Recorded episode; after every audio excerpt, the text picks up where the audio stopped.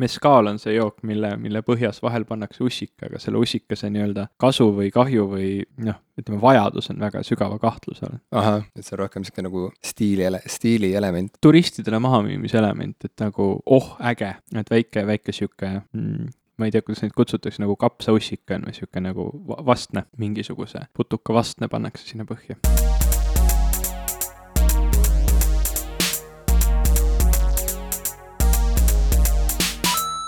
tere, minu nimi on Ivo Krustok. tere, minu nimi on Jim Asilevi. ja te kuulate saadet popkulturistid. see kuidagi ei kõla enam üldse nii ägedalt, kui ei ole nagu hunnik inimesi, kes seda nime karjuvad, eks ole. jah, no vot, see on see, et kui hakkad andma staadio, staadioni kontserte, et siis mm -hmm. ei ole mhm. nagu enam tagasiteed, eks ole mm. -hmm. või kui see tagasitee kuidagi sunniviisiliselt ikkagi tekib, siis äh, noh satud masendusse nagu Jaak Joala pärast seda, kui ta oli siis on ju Nõukogude Liidus olnud superstaar, mida ta enam siis siin nagu kolkas. kes ta enam siin sai olla, mhm. on ju ei keegi. meid tabas seesama saatus praegu, et pärast meie esimest sünnipäevapidu Von Krahlis, kus siis Jarek Kasar oli meiega koos laval ja äh, meie ovatsioonid olid äh,. inimesed va-, vaatasid meie poole. inimesed vaatasid meie poole, suud ammuli. me ei näinud neid, sest tegelikult me olime prožektori valguses mm, -hmm. see on mhm. see kõige soojem valgus üldse. no just täpselt, see ongi see ideaal, eks ole, et kõik vaatavad äh, suud ammuli ja silmad veekalkle- ka,, kalkvel hingeliigutusest ja meie isegi ei näe neid, rambivalgus pimestab mm -hmm. meid, eks mhm. ole, et et jah, põlesime eredalt ja, ja, ja nüüd olemegi põhimõtteliselt nagu nüüd põlesimegi ära. taga, tagasi kodus, tagasi garaažis. tagasi nagu garaažis, mhm. tagasi mm -hmm. põhjas. ma mõtlesingi, et Ivo, et selleks, et natukenegi nagu tuua väike nagu rõõmukillukene siia, siia hämarasse kohta, et siis mul on sulle kingitus tegelikult meie podcast'i esimese sünnipäeva puhul. mis tehniliste rikete tõttu ei jõudnud sinuni meie sünnipäevapeol. ma tahtsin tegelikult Kraalis laval kõigi ees sulle seda kätte anda, aga ma teen seda siis nüüd. ah soo, issand, kui huvitav. niisuguses äh, koledas kiles, äh, kilepakendis ja, ja mul ei ole sulle mitte midagi, ma tunnen ennast nii viskan halvasti. sind sellega. viska mind, pai, ma sain pihta nagu oli kuulda, nii, ma pean selle nüüd lahti võtma Re. rebi see lahti ära, vaata seal neid kirjasid, muidu sa näed võib-olla hinda või midagi. sihuke, mingi sihuke nagu äh, probleem, et sa pead nagu kohe kõiki kirju lugema hakkama. kui seal pakendis on mingisugune. vale asi. tšekk või mingi asi, siis kohe anna see ka mulle ja ma põletan ära. selle ära siinsamas elutoas. okei okay,, siin on, siin on T-särk, ma arvan. no sa oled taibukas poiss, sa oled vist ülikoolis käinud palju. Jaa, nii, oot tšekki ma ei näe. väga hea, anna see prügi mulle. ma annan prügi sulle ja nüüd ma lapin seda särki lahti, siin on mingisugune kleeps. aa, mingi triipkood, võta see ära, jah. nii, ma annan. selle ma põletan ka ära nii, oh issand, ma, ma kohe loen ette, mis siia peale kirjutatud on, see on väga, väga äge. ma kirjeldan, see on äh, sinine särk, kus on peal. Äh, kusjuures äh, sul on ka praegu sinine särk seljas, nii et äh, sinine. eeldused on, et sa söandad kanda seda mm -hmm. värvi särki. ei jaa, tähendab, sinine on teema, me oleme Eevaga korduvalt arutlenud, miks meie kapist umbes poole moodustavad sinised riided mm. -hmm. praegu sul on äh, Adventure Time'i peategelane siis särgi peal, sellel yeah, särgil, mida sa praegu kannad. jah, ja nüüd. nüüd on, nüüd on särk, kus on peal ähm, selline Äh, pilt äh, Ameerika kosmosesüstikust ähm, või noh, ütleme siis sarnasest kosmosesüstikust ja, ja aatomimudel ja siia on peale kirjutatud The universe is made of protons, neutrons, electrons and morons ehk siis äh, selline väga äh, cheeky, cheeky ütleme sellise mm, sõnumiga särk. me peame nüüd sellest särgist pildi või ütleme minust selle särgiga või, või kuidagi pildi panema kuulajatele, et nad saaksid vaadata, milline see välja näeb. või siis sa võid meie kuulajad, noh nüüd, nüüd nad meil, nad on meil äh, Ka nägupidi tuttavad, eks ole mm. -hmm. et saad neid lihtsalt külastada, et sa tead, kelle juurde minna ju täpselt ja, või tänaval võid läheneda, see särk seljas on ju, et siis inimesed saavad katsuda Tunnevad seda pilti. Mm -hmm. et see on. Nad saavad katsuda tõesti minu, minu särgi pilti. et see on siukse suht paksu värviga sinna trükitud peale, see kiri ja see pilt, et, et on, mida katsuda mm. -hmm. ja, no ja, ja ka särgi all on, mida katsuda, absoluutselt mm, -hmm. absoluutselt. aga ma olen, ma olen ääretult tänulik, ma olen äh, lausa sõnatuks löödud, aga noh, sedasi ei saa nagu edasi minna, sest eh, kui ma olen terve saate sõnatu, siis, eh, siis pole nagu, või noh, siis on selline monoloog sinu poolt, mis võib ka olla täiesti nauditav. see võib ka vahelduseks olla väga tore mm. ja, ja üleüldse, kui me alustasime podcast'i, siis me ju leppisime kokku, et meil on vabadus teha mida iganes. kui me tahame, võime lasta kolm tundi linnulaulu näiteks, on ju. et eh, et meil on täielik loominguline vabadus, eks ole, nii et kui, kui me tahame nüüd edasi olla vait, me võime teha siukse special edition osa, kus sina paned selle särgi selga ja mm -hmm. mina mhm. vaatan seda poolteist tundi, no miks mitte sihuke meditatsiooniharjutus. või siis noh, kuna meil on tegelikult terve hunnik digitaalset tehnoloogiat käes, siis me võime öelda, et me tegime nii lihtsalt lõigata siia poolteist tundi vaikust. vot jah, okei okay,, et seda saaks teha, on ju, aga ma ei tea, see on natuke nagu vaata, performance'id on siuksed asjad, kus kirjeldus ise on nii võimas lõpuks alati, et nagu tekib tunne, et noh, olekski võinud lihtsalt kirjutada selle kirjelduse, et miks ta pidi seda päriselt tegema. miks pidi keegi, ma ei tea, roomama äh,, roomama nagu vihmauss läbi Euroopa äh,, on ju, paljalt noh, a la on ju, ütleme, et on sihuke performance on ju, et oleks võinud lihtsalt kir kirjeldada seda tegevust on ju, mhm. et lõpuks jääbki alles see kirjeldus, ega ta seda mitu korda ei tee, see ei ole teatrietendus, et iga õhtu on ju mhm. uuesti. aga kui kõigile jääb mulje, et justkui selline asi on toimunud, vaata see on annab... see, kui, kui puu kukub metsas, eks ole, kas ta, kas ja, ta tekitab heli ja keegi et see kuulis. toimus päriselt, see annab mm -hmm. mingisuguse lisalaetuse ikkagi okay. sellele sündmusele okay,. aga see T-särk jah, mille ma sulle kinkisin ja mille puhul ma tegelikult ei tea, kas sa seda kannaksid, on ju. ma kannaksin seda kindlasti okay. ja mul on ütleme, et noh, et võib-olla ta on selline särk, et nagu võib-olla kellelegi natuke torkav, aga mul on, mul oli kunagi, ma nüüd ei ole seda ammu enam kandnud, sest ta läks auguliseks ja nii edasi. aga mul oli kunagi selline särk, kuhu oli peale kirjutatud science, it works, bitches ja siis sellega ma sain ka vahepeal mingeid siukseid pikemaid pilke ja kommentaare, aga, aga ma arvan, et. Äh, väga hulluks vist ei läinud. ei, ei, keegi nagu peksa ei andnud jah, no see on põhiline, on ju. jah, et see on see, see piir, kust maalt saab mõõta sellist mõõdukust, eks ole. ma lihtsalt räägin, et see selle särgi taust on see, et ta on sihuke äh, Neil deGrasse Tysoni fännart põhimõtteliselt mm. -hmm. et äh, astrofüüsik, ta on astrofüüsik, eks ju? astrofüüsik Neil deGrasse Tyson, kelle, kelle doksarju Kosmos sa mulle soovitasid ja, ja, ja mis mind äh, väga vaimustas. kas sa oled seda... vaadanud ja, ja, ja mm, -hmm. ja, ja, ja, et siis kuidagi ma jõudsin lõpuks ka selle särgini, olles ise nüüd Neil deGrasse Tysoni fänn siis kohe, kui ma seda nägin, siis ma mõtlesin, et ma selle kingingi sulle sünnipäevaks. ja tegelikult sa oled mulle kinkinud igasuguseid asju varasemalt, äh, mul juba oli nagu tagumine aeg midagi ka omalt poolt mida ma olen sulle kinkinud? ma kinkisin ühe raamatu vist. jaa ja., selle An astronaut's guide to life on earth. jah, väga kosmoseteemalised kingid on meil, ma arvan, et seda peaks nagu jätkama mingis liinis. no kingitused on alati toredad, mulle alati meeldivad, nii et ma olen alati valmis jätkama kingituste saamist esiteks, aga mm -hmm. võib-olla ka mhm. tegemist. ma olen ka parajalt egoistlik, et kui ma saan kingituse kätte, siis mul see rõõm on suur. ja siis sellest mulle nagu piisab, siis mul kaob ära see andmisvajadus ka kohe nagu. ja siis, kui läheb aega mööda ja tuleb, võib-olla tuleb veel mingi tuleb kingitus, siis, siis see andmissundus äh,, ütleme, tõstab pead okay. uuesti ja siis see on mm -hmm. nagu eriti kuidagi piinlik järsku mm. -hmm et põhimõtteliselt nagu piinlikkustundest tehtud kingitus, mitte nagu heast südamest. no jällegi nagu sinagi, ka mina hindan lihtsalt kingitust, nii et olgu ta siis heast või halvast tundest, noh, kink on lõpuks siin, särk on olemas. väga hea, aitäh sulle, Jim ja no võta heaks. meile toodi tegelikult veel kingitusi, sest meil oli sünnipäev, suur üritus, me alustasime korra sellest rääkimist, aga, aga ütle mulle paari sõnaga, mis, mis tunne sind valdas pärast seda üritust või selle ürituse ajal või, või kuidas, kuidas sa nüüd tunned, kas me oleme kümme korda kuulsamad nüüd? Me ei ole kümme korda kuulsamad. aga, aga me võib-olla muutusime käegakatsutavateks mingitele inimestele, kes olid harjunud ainult meie hääli kõrvaklappidest kuulma, et äh, see tunne, mis seal ruumis tekkis, oli ikkagi vägagi julgustav, ütleme nii, et pärast äh, seda üritust oli küll mingisugune noh, ka meie kuulajad muutusid meie jaoks natuke nagu käegakatsutavaks nüüd järsku, et enam ei olnud tegu mingisuguste abstraktsete allalaadimis numbritega mhm. kuskil äh, tabelis, vaid päriselt inimesed tulid, naeratasid meile, naersid, et see kõik te-, kuidagi tõi meid lähemale üksteisele ja lõpuks see on sihuke põhialus üldse mingisuguse ägeda asja tegemisel ju et kui sa näed, et näed, päriselt lähebki kellelegi korda ja päriselt äh, meil saab olla koos väga tore, et oli mõnes mõttes sihuke nagu suur sihuke rõõmupidu, kui nii võib öelda. ja, ja mul on nagu, ma siiamaani kuidagi meenutan äh, neid hetki sellest õhtust ja see kuidagi toidab, et see annab väga palju sihukest äh,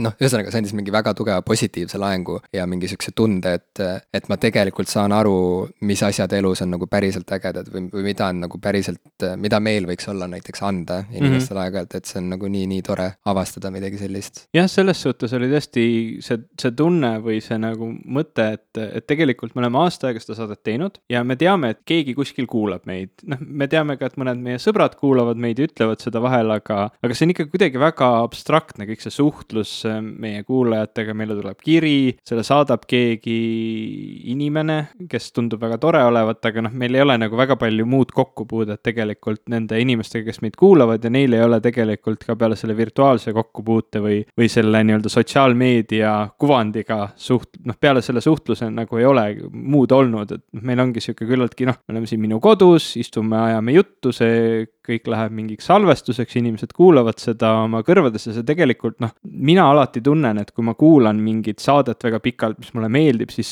siis see ongi justkui selline tunne, nagu sa, sa oleksid mingis sõprade seltskonnas. ja, ja see tekitabki võib-olla sihukese nagu küllaltki lähedase tunde ja väga lahe oli lõpuks nagu siis ka see, see päris lähe, lähedus nagu tekitada, et inimesed olidki kohal, me nägime neid, me, me rääkisime nendega, müüsime neile pileteid äh, kuni selle hetkeni, millal me pidime lõpuks siis ise lavale minema ja, ja selles suhtes oli nagu väga positiivne tunne tõesti näha, et jah, meid kuulatakse, need ongi päris inimesed, et see ei ole mingisugune illusioon. ja see meenutab mulle seda mõttekillukest äh, raamatust Kuristik rukkis, kus Holden Caulfield, peategelane, räägib, et, et tema lemmikkirjanikud on sellised, kelle puhul tal tekib lugedes tunne, et ta tahaks neile helistada ja nendega nagu sõbraks saada või nendega rääkida. et siis äh, see, mis Graalis toimus, oligi täpselt see, et äh, inimesed tulid justkui meile külla mm. -hmm ja kuigi me nendega väga palju nagu silmast silma rääkida ei saanud, siis ikkagi äh, inimestel oli ju võimalus, eks ole, meile esitada küsimusi ja kuidagi kogu see sihuke äh, kaasaelamine, mis kogu õhtut saatis, see ikkagi tekitas tunde, et me oleme mingisuguses intensiivses suhtluses omavahel või mingis suhtes ja, ja see oli väga kosutav ja väga rõõmustav ja väga selline nagu väga palju jõudu andev äh, elamus. ja ma tahaks väga tänada ikkagi meie patroone ka, kelle mm -hmm. me äh, lasime peole tasuta sisse, aga siin ei ole tegelikult nagu midagi imestada selles mõttes, et äh, seda pidu ei oleks saanud toimuda, kui meil ei oleks olnud patroonide toetust. nii et tegelikult äh, see kõik on läinud äh, päriselt meie saate tegemisse, kõik see toetus, mis on äh, patroonide taskutest tulnud ja kui me selliseid vägevaid asju saame koos teha, siis noh, üli-üliäge ju. et, et, et see on imeline, et selline koostöövorm on meile nagu kättesaadav ja et see päriselt toimib. nii et suur-suur aitäh ja kummardus kõigile patroonidele selles suhtes ongi huvitav, et äh, nagu, nagu paljuski tänapäeva, tänapäeval toimuvas suhtluses, eks ole, see oli nagu sihuke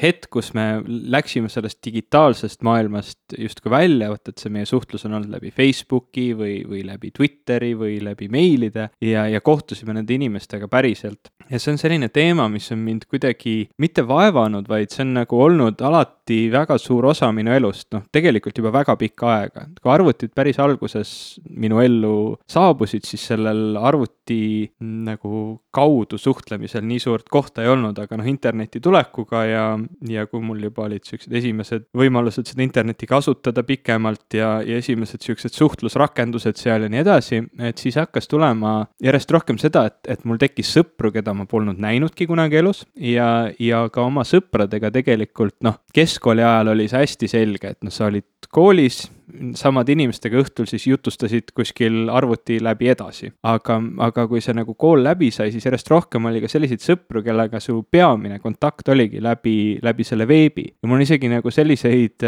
selliseid sõprussuhteid, noh, mille puhul ma võingi öelda, et, et tänu sellele interneti vahe, vahelülile ma üldse nendega olen sõber, sest me kuidagi päriselus niimoodi jutu peale ei saanud et see ongi nagu väga huvitav, et kuidas sul kuidas sul endal selle nagu netisuhtlusega suhe on olnud või, või kas see nagu, kui suurt olulist rolli see sinu elus mängib, ma ei tea, tänapäeval vist ongi Facebook Messenger see põhiasi, see, see, millega kõik me ju nüüd suhtleme, eks ole, me kõik kirjutame, me ei, me ei räägi nii väga, noh, me ei helista. ma mäletan ka, et null-nullindatel, kui ma olin suurem blogija, siis äh, tekkisid mingisugused internetisõbrad ja, ja siis, ja siis sai käidud ka jututubades, eriti noh, IRC jututuba oli muidugi kihvt, sealt ma mäletan hästi selgelt näiteks, et IRC oli siis teema, kui lennukid lendasid kaksiktorn, kaksiktornidesse, et siis ma saingi nagu Mirkist sain teada, et midagi on juhtunud, et mingis. mis kanalites sa käisid? ma olin mingis hip-hopi, Eesti hip-hopi mingis kanalis sel hetkel näiteks ja siis, ja siis keegi nagu küsis, et kas sa tead, mis New Yorgis toimub ja siis ma ei, mulle tundus see nagu nii üldine küsimus mm. -hmm. New Yorgis toimub palju asju et vist ei tea, kui sa nii küsid ja siis panin teleka käima ja nägin, mis seal toimub. et, et, et sealt sai igasugust jah, infi ja nagu väga tore oli öösiti istuda näiteks äh, mingis a la mingis tru, Eesti trummi ja bassi mingis nagu jututoas on ju seal saadeti üksteisele mingeid MP3-sid, mida oli keeruline kätte saada nagu, sest et sel hetkel veel oli mingeid lugusid keeruline kätte saada.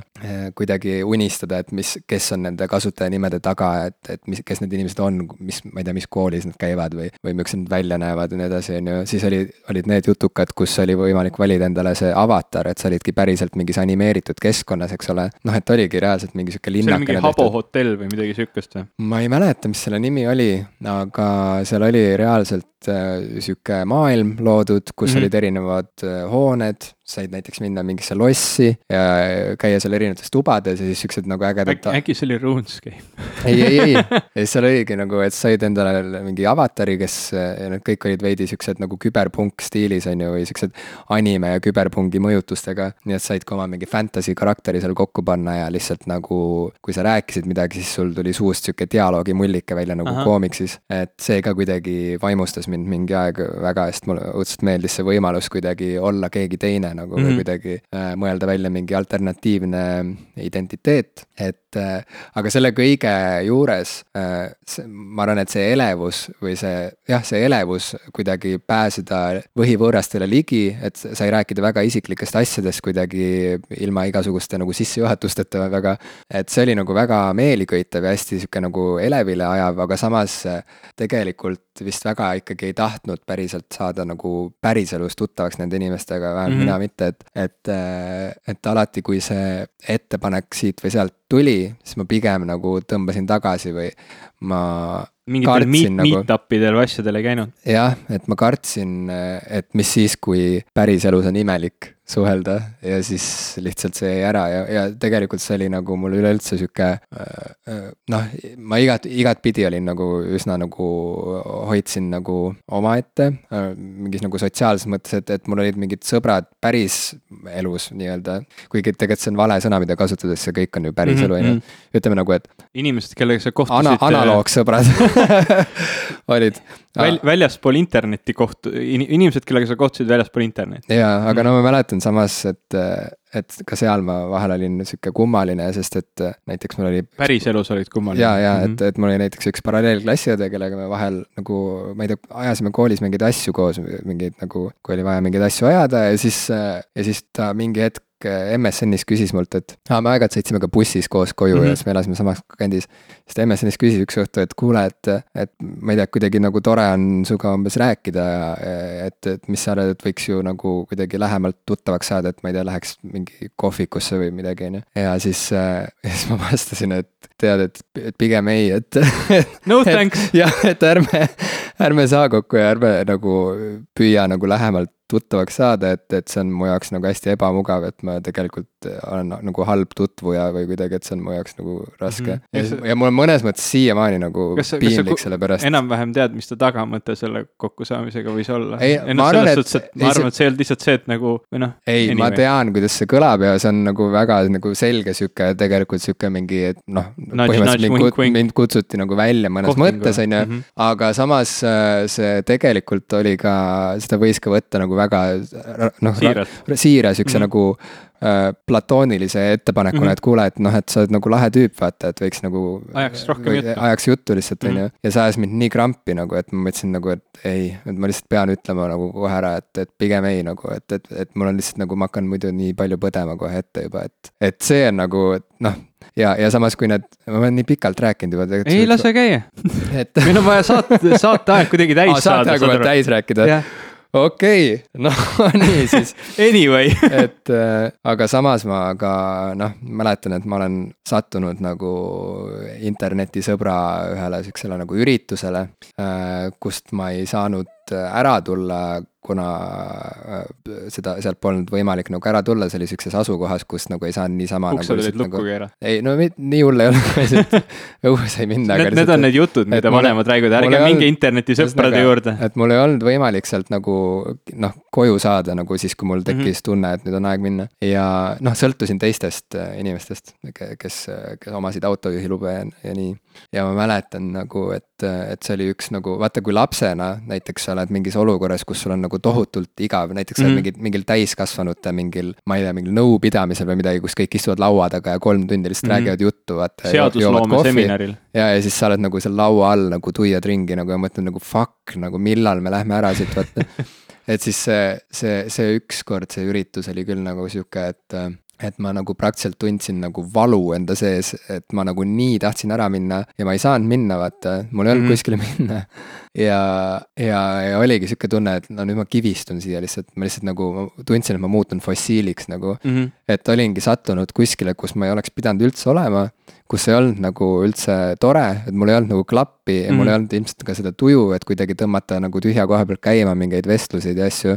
ja see nagu oligi lihtsalt nagu nii õudne, et mul nagu noh, nagu ma siiamaani tunnen seda nagu, seda halba tunnet, mis tunne oli olla kinni nagu selles sotsiaalses olukorras. Nagu. no, sest et äh, tundus nagu tore mõte, vaata mm.. et ma ütlengi, et see jah, et see on nagu üli nagu segane kõik et ma ei tea, kas sina oled kuidagi nagu, kas sul on ka olnud mingeid siukseid nagu hapusid kogemusi nagu online'ist offline'i minekuga mingitel sotsiaalsetel?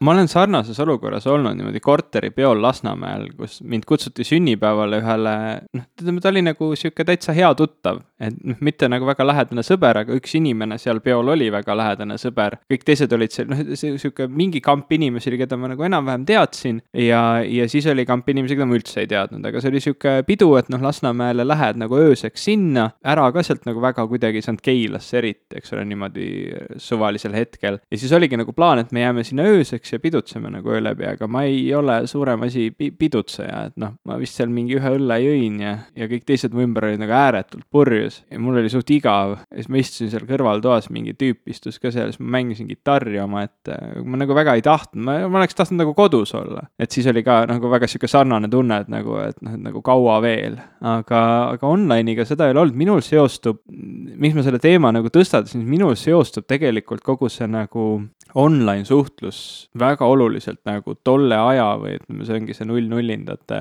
ähm, popkultuuriga või, või kuidagi selle aja nagu sellise noh, ütleme, et tol hetkel oluliste teemade suhtlus nagu minu jaoks toimus netifoorumites, jutukates ja oma sõpradega läbi, läbi noh, siis Microsofti siis selle nii-öelda jutuka või, või jutuprogrammi MSN Messenger, eks ole, et seal sa, oli see, et nagu panid oma lemmik, alati sa said muuta oma nime, eks ole, et sa said, et ma olen Ivo Krustok, aga sa, sa muidugi ei pane lihtsalt Ivo Krustok, vaid sa paned mingi siukse lahedama nime nagu mingi Vürst Krustok. ja sa paned sinna mingi parasjagu oma lemmiklaulu nagu mingid sõnad, paned sinna otsa, et kõigil olid mingid neli meetrit pikad nimed siis, eks yeah. ole, ja see oli mingi hästi lahe teema. ja mingid emotikonid sai sinna panna, noh, tüüpiline, tüüpiline värk. Ja ja just nagu see, need foorumid ja jututoad nagu seal toimuski see nagu põhiline seletam-, seletamine erinevatel teemadel, ma olin mingi Eesti metal'i jututoas, nagu sina räägid, et sa olid Eesti hip-hopi jututubades. ma olin Sõpruse puiestee jututoas ja Sõpruse puiestee foorumis. Äh, ma olin siis nagu ääretult suur fänn nendel ja,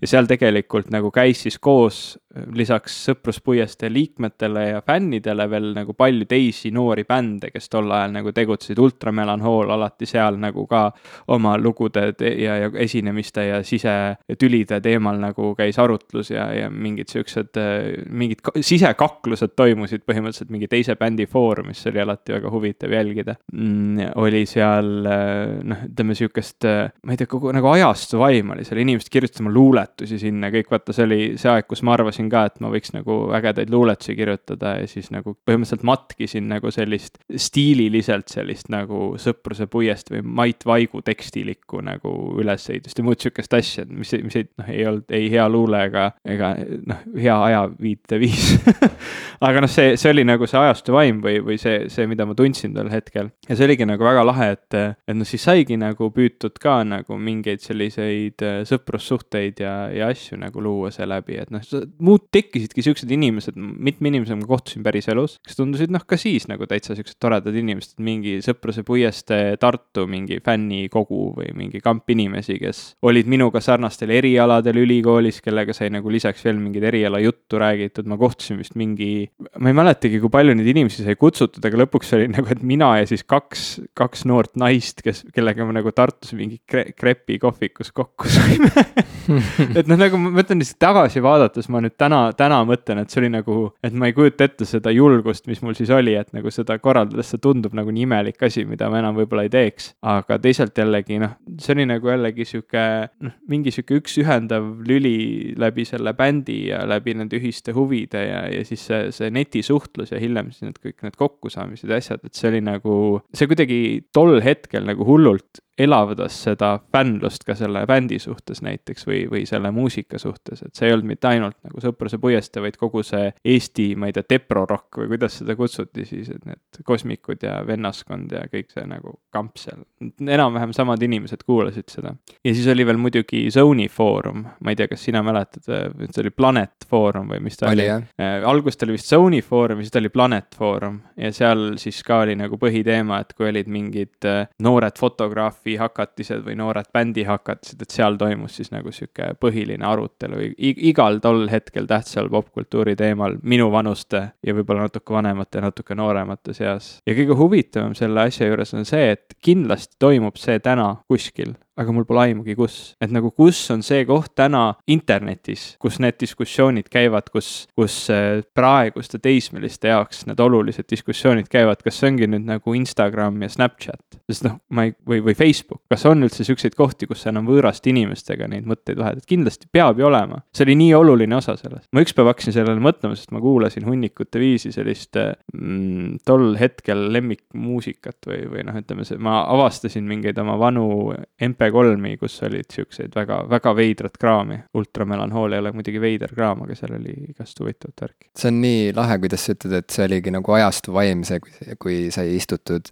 nende neljameetriste kasutajanimedega äh, ühises mingis foorumis või, või, või siis äh, chat'is ja kuidagi veedetud tunde ja tunde niimoodi üheskoos lihtsalt rääkides kõigest, on ju, põhimõtteliselt nagu elu mõttest ja sellest, et mis täna naljakat juhtus koolis. ja see kõik oligi väga päris, et see ei olnud mitte mingil moel pealiskaudne või kuidagi äh, mingisugune sihuke nagu passiivne, et, et kõik see, mis on nagu räägitud kuidagi sellest nagu interneti põlvkonnast või nagu noortest, kes kasvavad üles nutiseadmetega ja arvutitega, et nad lihtsalt küürutavad nende monitoride ees ja eks ole, nagu põhimõtteliselt nagu füüsiliselt vajuvad kängu ja vaimselt siis ka nagu rasvuvad, et nad lihtsalt nagu muutuvad zombideks, kes vaatavad mingit helendavat äh, ekraani, on ju. aga minu mälestustes on see kõik olnud nagu väga nagu suur ja tähtis, see kõik, mis ma seal arutasin inimestega.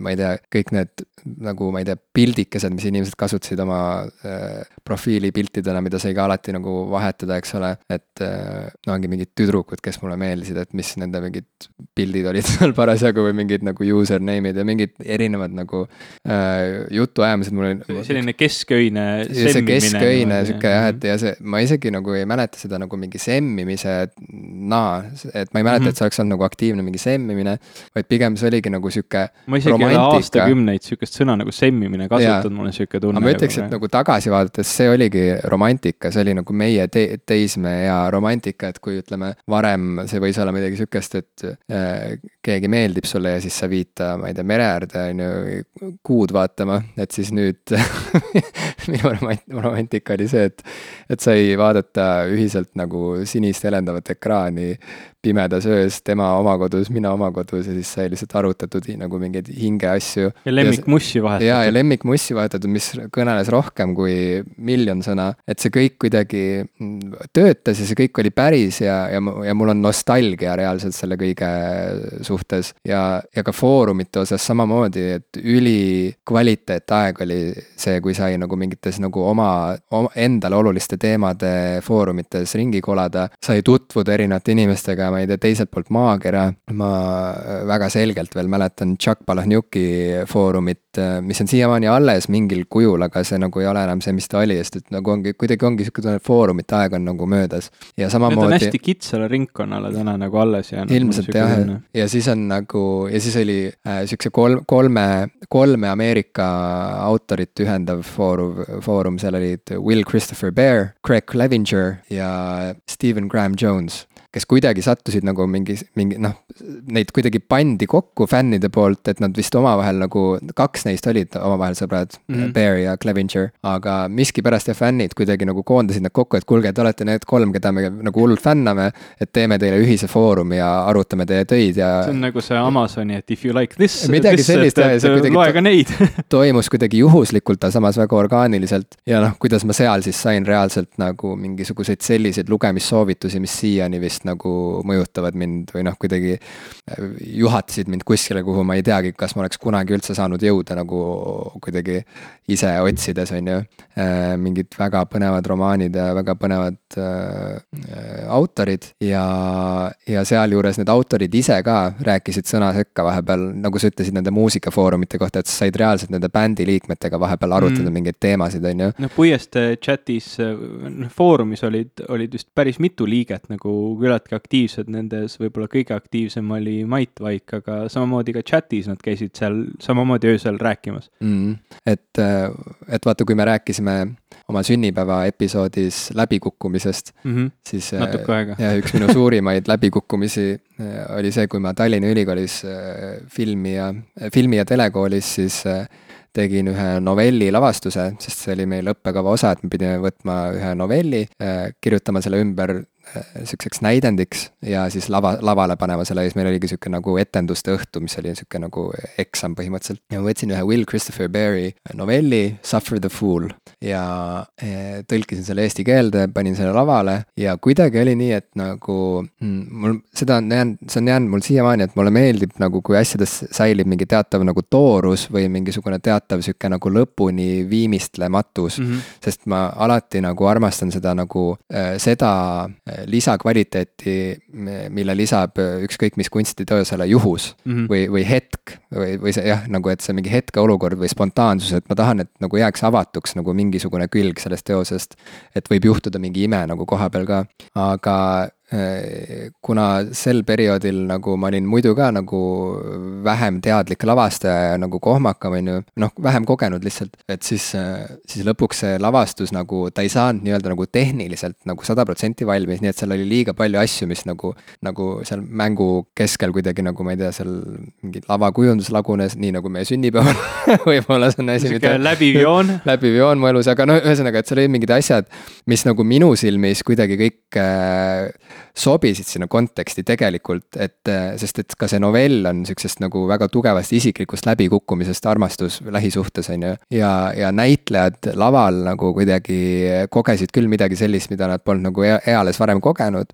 mäletan, et peategelast mänginud kursavend lõpuks nuttis laval, nagu selle etenduse lõpus, et see kõik kuidagi, ta nagu elas nii sisse ja noh, see kõlab mõnes mõttes nagu, et noh, mida iganes, et oo, nuttis laval see on küll esimene kord, kui mõni mm -hmm. nagu näitleja nagu teiste ees nutab, on ju, aga noh, see oli nagu meile oluline, sest et esiteks me ei õppinud näitlejateks seal sel hetkel mm -hmm. selles koolis ja, ja, ja, ja teiseks äh, see ikkagi mm, noh, näitas seda, et, et see, mida me tegime, läks päriselt mu trupile hinge ja meile kõigile. tal oli nagu mingi sisu. jaa, aga kuna see lõpuks tundus nagu nii rabe mu õpetajale, siis ta ei lasknud mind eksamile, ta nagu, põhimõtteliselt ma kukkusin läbi. Äh, nii hullult kohe, et, et, et, et nagu nii väga ei sobi sobinud see toorus, et, et. jah, nagu ma ei tea, kuidagi, et talle tundus, et see lihtsalt, et see ei ole valmis, on ju. ja siis ma mäletan, et ma seal Laial tänaval on ju, oli Tallinna Ülikooli kultuuriteaduskond ja meie see saal oli ka seal ja siis seal äh, ja olin öösel viimane, kes majast lahkus, ma ei tea, all oli veel valvelaua tädi enam-vähem ja, ja siis lihtsalt üksi seal korjasin oma rekvisiite ja lavakujundust kokku ja lihtsalt nagu nutsin üksi. noh, olin nagu niimoodi, lihtsalt tuiasin seal ringi ja nagu tundsin ennast nagu täiesti läbikukkununa mm. -hmm. ja siis ma kirjutasin sinna foorumisse sellest, kirjutasin kogu selle loo ja siis see autor, Will Christopher Bear, vastas mulle. Ongi nii või? ja, ja wow., ja vastas hästi kuidagi toetavalt veel ka ja kuidagi niimoodi. no ma kujutan ette, et kui sulle keegi sinu, noh, ütleme foorumis kirjutab sihukese loo. no ta oli mu iidol sel hetkel reaalselt. ja siis nagu... ta nagu võtab nagu vaevaks vastata ja siis veel nagu demolish ib sind, et nagu ma, ma ei kujuta seda inimest ette väga. et oleks nagu väga. ei oleks toetav, vaid oleks nagu, et. nagu vastupidi, et ta võtab selle vaeva kohe, et nagu sind veel täiesti ära lammutada aga noh, hea, et ikka posi-, mis ta vastas sulle äh,? ta ütles, et you are a good egg, et ma olen hea muna mm -hmm.. võib-olla see oligi see solvang, tegelikult tahtis öelda kuidagi, et ma olen mingi munapea või midagi sellist, äkki tegelikult ma lugesin valesti seda, vaata, et äkki, äkki ta tegelikult tahtis mind maha teha. siis oleks bad egg olnud. et võib-olla see oli nagu hea muna, sa oled nagu ikka, et sa mingit sihukest paska tegid minu tööga ja siis äh,. tagantjärele tark. ja siis ta, siis ta tõi seal nagu, see oli sihuke pikk vastus, väga ilus ja see on mul alles, see on mul save itud kuskile kõvakettale, aga. Aga mulle väga meeldis see, see pildike, mille ta sinna nagu nagu oma sõnadega siis lõi, et, et ta kuidagi viitas ühele, ühele hai filmile, kus, ma ei mäleta, mis selle filmi pealkiri oli, aga see oli see, kus need sihuke low-fi stiilis tehtud film, mis oli mingi nagu natuke sihuke kultusfilm mingi periood, kus äh, üks paarike kukkus vette nagu avamerel ja siis nad lihtsalt nagu ulpisid seal, kuni nagu haid sõid nad ära. et mhm. terve see film oli nagu lihtsalt sihuke nagu reaalselt sihuke kahe näitleja peal mhm. põhimõtteliselt lihtsalt nagu kaamera Sikke, nagu loksus kaasas. millal siis nüüd? nojah, umbes sihuke mm -hmm. survival film vaata, et, et nagu mida kauem see film kestis, seda, seda rohkem tekkis see nagu õõvatunne mm -hmm. nagu vaatajal, et fuck nagu no nad vist enam kaua vastu ei pea. ja siis ta nagu tõi selle näite nagu, et, et see on nagu seal filmis, et, et, et ühesõnaga, et ära anna alla, sest et allaandmine ongi nagu nii nii lõplik ja nii nagu lootusetu tegu, et seda, et see on täpselt nagu seal filmis, kui lõpuks see tegelane andis alla ja nagu lasi endal nagu vajuda nagu koos haidega mm -hmm. sinna nagu põhja, on ju. et kuidagi see noh, ma ei tea, kas see sel hetkel andis mulle nagu selles mõttes mingit eneseusku, aga see oli nii võimas, lihtsalt see võimalus nagu saada mingi otsekontakt kellegagi, kes on sinu iidol niikuinii ja kes nagu ütleb sulle, et kuule, et sa ei pruugi olla tegelikult nagu noh, pask, on ju. -hmm.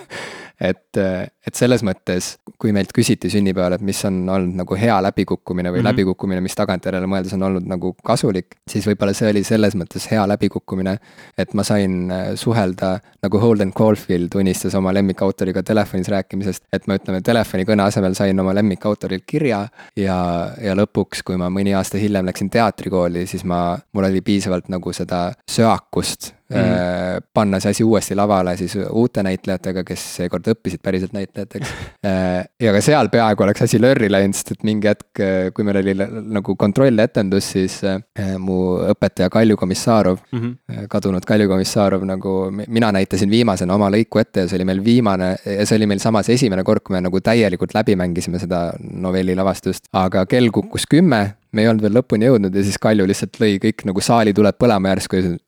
tähendab, sõbrad, kell on kümme. kell on kümme, valvelauatäitja tahab koju minna, aitab, aitab nagu lihtsalt nagu keegi ei suutnud uskuda, vaata. mis toimub? ja, ja kõik mu kursusekaaslased ka publikus olid nagu, et oota, kas see on nagu reaalne praegu mm -hmm. olukord või. näitlejad ka laval ei teadnud mm -hmm. täpselt, kas nad siis nagu katkestavad või mitte, lihtsalt olid nagu veel seal ähmi täis nagu poolenisti nagu tegevuses ja oli kõik, kell on kümme on meile jäänud siiamaani nagu kursusel siukseks nagu naljaks, et mm. -hmm. et mingis olukorras keegi ikka nagu hõikab, et kell on kümme nagu mm, -hmm. et see tähendab seda, et nagu mis iganes sul praegu käsil oli nagu. minu poolest kasvõi nagu, et sa olid praegu abiellumas kellegagi mm -hmm. nagu kell, kell saab kümme, see on nagu psühho mm -hmm. aega. et noh, jälle sihuke mikro läbikukkumine seoses selle novelliga, aga ütleme, et see on nagu toonud mind ikkagi nagu võib-olla tänasesse, ütleme teatritegijana, et ma nagu äh, siis ei ei, ei uputa end koos haidega võib-olla kohe, vaid ikkagi katsun jääda pinnale, isegi kui on nagu ülihalb olla millal siis kolmas kord tuleb, millal meie saatekuulaja saab seda nagu laval näha? võib-olla popkulturistide teisel sünnipäeval siis teeme nii, et me nagu podcast'i laivis ei teegi, vaid ma teen kolmandat korda mm -hmm. siis Will Christopher Berry novelli Suffer the Fool, toon lau-, lavale uute näitlejatega, sinuga võib-olla. ja, ja, ja võib-olla ongi nii, et ma panen sinu lavale, see oleks väga-väga huvitav. suur väga-väga läbikukkumine ja lavakujundus nagu noh, meile nagu juba, me võime selle oma traditsiooniks muuta, et la-, lavakujundus nagu laguneb võib-olla. kuigi see, see oli nagu hea nali, see nagu terve õhtu nagu vedas läbi see, see lavakujundus, ma arvan, et see, see, see lavakujundus ja see, see toimis tegelikult nii hästi, et ta tegelikult vedaski terve selle õhtu läbi. lühikokkuvõttes vist inimestele, kes ei olnud meie sünnipäeval või kes ei kuulanud eelmist osa, mis oli selle sünnipäevapeo salvestus siis, siis kui publik juba sisenes saali, tuli mul geniaalne mõte, et me peame ikkagi lõikama nüüd suured tähed välja mis, millest tuleb kokku popkulturistid ja siis teipima teibiga need tähed sihukese tagumist seina katva või varjava nagu aksi külge, ehk siis sihukese lihtsalt mingi kanga külge mm. on ju, et ilmselgelt kanga külge midagi teipida on nagu sihuke kahtlane öö, otsus aga siis tähed hakkasid langema jah, saate käigus. aga kuule, kas ma tohin lugeda ühe luuletuse ette? jaa. sest et äh, kui me rääkisime siin äh, chat imisest Luule, ja foorumitest null nullindatel, et äh, üks meie põlvkonna autor, üks meie põlvkonna nagu ägedamaid autoreid, keda ma tean läänest, kelle nimi on Tao Lin, ta kirjutas sihukese väga armsa ja, ja ka kurva luuletuse pealkirjaga pealkirjaga Some of my happiest moments in life occur on AOL Instant, Instant Messenger ma arvan, et me peame siis pärast seda selgitama, mis asi on AOL Instant Messenger, aga, aga palun loe. ja, äh, ja praegu sa nagu kuidagi äh, niimoodi noh, rõõmsameelselt ütlesid seda, aga nüüd mul tuleb meelde, et see on tegelikult kaunis morbiidne luuletus aga see on okei okay, okay., me, me leiame siit tagasitee mm, -hmm. ma usun, saad panna T-särgi saad pärast selga panna näiteks ja siis saame rääkida meeste moest mm. -hmm. ühesõnaga, some of my happiest moments in life occur on AOL Instant Messenger ja luuletus on selline. I will create a new category on my Instant Messenger buddy list. I will call it people I like who don't like me back. And I will move your screen name into that group and I will invite you to my house and show you. And you will say, if I didn't like you, why did I come over? And you will look at my face and I will have an honest answer for your question. I will tell you that you came over to be polite. And after a while, you will go home and you won't call, and I won't either. And after a while, I won't like you anymore. And after a while, we'll forget each other. And after a while, you will be beautiful and alone inside of your coffin. And I'll be cold and alone insi inside of my coffin. see nagu võttis jah, küllaltki sellise morbiidse suuna ja. mingi hetk. see on nagu sihuke väga, väga nagu viimase piirini viimine, eks ole ja et ja tegelikult Tao linn on täiesti sihuke eraldi teemakategooria lausa, et kui on vaja rääkida, ütleme Y-põlvkonna kirjandusest läänes, on ju. et siis mulle tundub, et, et temalt on nagu, et, et temast on nagu võtta palju, millest mm -hmm. rääkida, mis on nagu hästi sihuke, ütleme, sümptomaatiline või mis on nagu väga iseloomulik kõigele sellele, mida seostatakse Y-põlvkonna mingi sihukese nagu tunnetusega või üldse need millennials, on ju mm. -hmm. et see põlvkond ja kõik, et Tao Lin, ütleme, on nagu sihuke väga depressiivne kirjanik ikkagi tegelikult või hästi sihuke nagu jah et äh, võib-olla isegi emotsioonitult äh, sihuke nagu, emotsioonitult äh, nagu. neutraalne, ma ei. kuidas öelda, ma, ma, ma, ma jään sõnadega hätta, aga et ta on nagu, ta on nagu autor, kelle loomingust kumab läbi sihuke äh, väga teadlik sihuke nagu, kuidas on doomed eesti keeles Hukk, hukku, hukatus. hukule määratuse nagu jah. tunne ja see on väga nagu trööstitu, aga selle kõige juures väga kummalisel moel on ka mingi hästi imelik sihuke nagu nunnudus mm. -hmm. ja minu arust see luuletus samamoodi kuidagi ühendab mingi sihukese nagu äh, morbiidsuse sihukese nunnudusega äh,, mis jällegi kuidagi äh, kõnetab mind just sellel äh, chat'i nostalgia mm -hmm. tasandil, et kõik need unistused ja kõik need kuidagi soovkujutelmad, mida igasugused nagu foorumid ja chat'id nagu ellu kutsusid või mida nad nagu kuidagi tekitasid, et nad olidki tegelikult korraga siuksed väga ilusad ja väga siuksed kurblikud ja ka see luuletus ju räägibki nagu täpselt sellest, sellest pingest või sellest vastuolust, et äh, seni, kuni me oleme üksi oma kuvarite mm -hmm. taga, on meil nagu ruumi unistada ja mõelda ja kuidagi idealiseerida mm -hmm. ja kohe see hetk, kui me peame astuma sealt online'ist offline maailma, siis läheb asi nagu kuidagi väga äh, nagu liiga tõeliseks mm, -hmm. et see, see liiga tõeline, vaat see on mingisugune imelik äh, sihuke probleem, ma arvan, just mis, mis iseloomustab just mingit meie põlvkonna sihukest hirmu ka või mingit kompleksi. et shit just got real või?